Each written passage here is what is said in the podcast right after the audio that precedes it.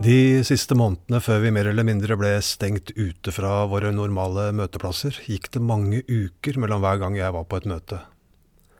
Nyttårsaften var jeg sammen med venner i fellesskapet, og når klokka nærma seg tolv, tenkte jeg at nå er tiden inne til å ta en pause.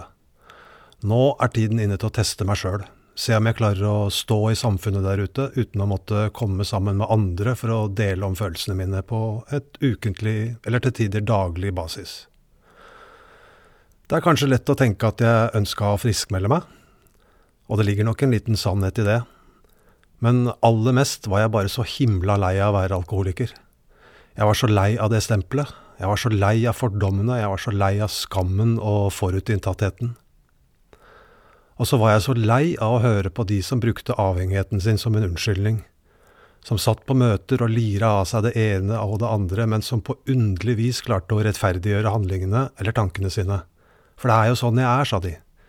Det er sånn sjukdommen virker på meg. Hei, jeg heter Alexander, og de siste dagene har tankene mine sittet fast litt i den kverna der. Jeg har deltatt, både passivt og aktivt, på noen nettmøter. Jeg har lest mye i forskjellige bøker som omhandler avhengigheter på den ene eller andre måten. Jeg har prata med andre, og jeg har grubla ganske mye for meg sjøl. For her er det mye å ta tak i. Hvorfor var jeg så lei av å være alkoholiker? Jeg har ikke noe ønske om å begynne å drikke igjen. Heldigvis. Eller heldigvis. Jeg tror jo at grunnen til at jeg ikke har det, er fordi jeg har begynt å komme ganske nære grunnen, selve hovedgrunnen til at jeg drakk. Og at den jobben har eh, fått meg til å innse at alt jeg flykta fra, kan løses på en bedre og mer konstruktiv måte enn å ruse meg. Men det er så slitsomt å hele tida skulle være ærlig om det. Selv om det har gått mange år, selv om jeg har gjort opp for meg på så å si alle områder, selv om jeg har lagt fra meg det meste av bitterheten og naget jeg følte, selv om jeg har funnet min indre ro og nye verdier, likevel henger det over meg. Skepsisen i øynene til en fremmed hvis jeg forteller om eh, fortida mi, følelsen av annerledeshet når jeg deler mine egne oppfatninger om ting til andre, ubehaget når jeg møter berusede mennesker i offentlige sammenhenger, skammen jeg føler over en del av de valgene jeg har tatt i livet mitt, ydmykelsen over hvor følelsesmessig underutvikla jeg av og til kan kjenne på at jeg er i forhold til andre mennesker.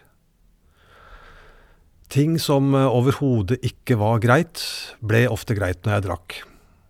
Oppførselen og meninger som var helt uakseptable både for meg og de rundt meg, var plutselig helt greit om jeg hadde promille i blua.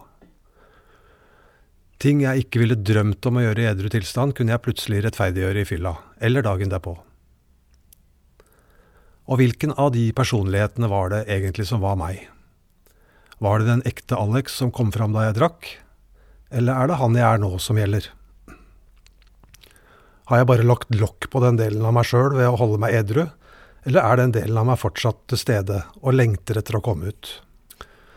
På det mentale planet har jeg vel forstått at den jeg er, var da jeg rusa meg, ikke er den jeg egentlig er.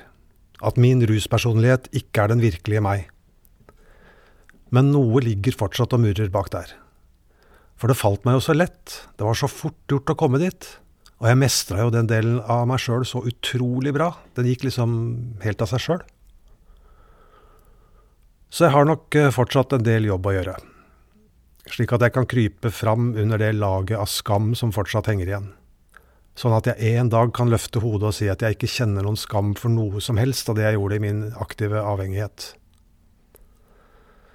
Og det er jo fint å ha noe å strekke seg etter. I mellomtiden skal jeg forsøke å være så snill og grei mot meg sjøl som jeg klarer. Ikke være så ekstremt selvkritisk, og godta og akseptere så mye jeg kan av meg sjøl. Så får selvinnsikten komme, sakte, men sikkert, etter hvert som tida går. Men jeg vil ikke høre meg sjøl si ting som 'det er fordi jeg er alkoholiker', det, eller 'hadde du bare vært avhengig, så hadde du forstått hvordan det var', eller andre unnskyldninger i den samme gata. For det fins ingen unnskyldninger for hvem jeg er nå. Alt jeg sier, alt jeg gjør, alle situasjoner jeg finner meg sjøl stående midt oppi, alle hendelser og følelsesmessige virvelvinder jeg tillater meg å være med på, de er alle sammen mitt eget ansvar, og absolutt ingen andres. Og når jeg feiler, er det bare å innrømme det med en gang. Be om unnskyldning. Sorry, jeg er ikke bedre ennå, men jeg prøver. Jeg gjør så godt jeg kan.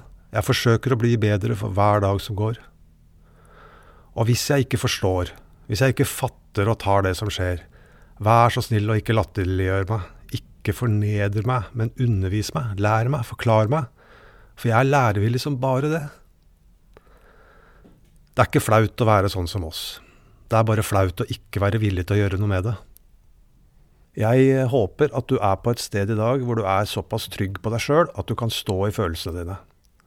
At du kan takle utfordringer og hendelser uten å føle behovet for å flykte, komme rasende over deg med en gang du møter eh, motgang.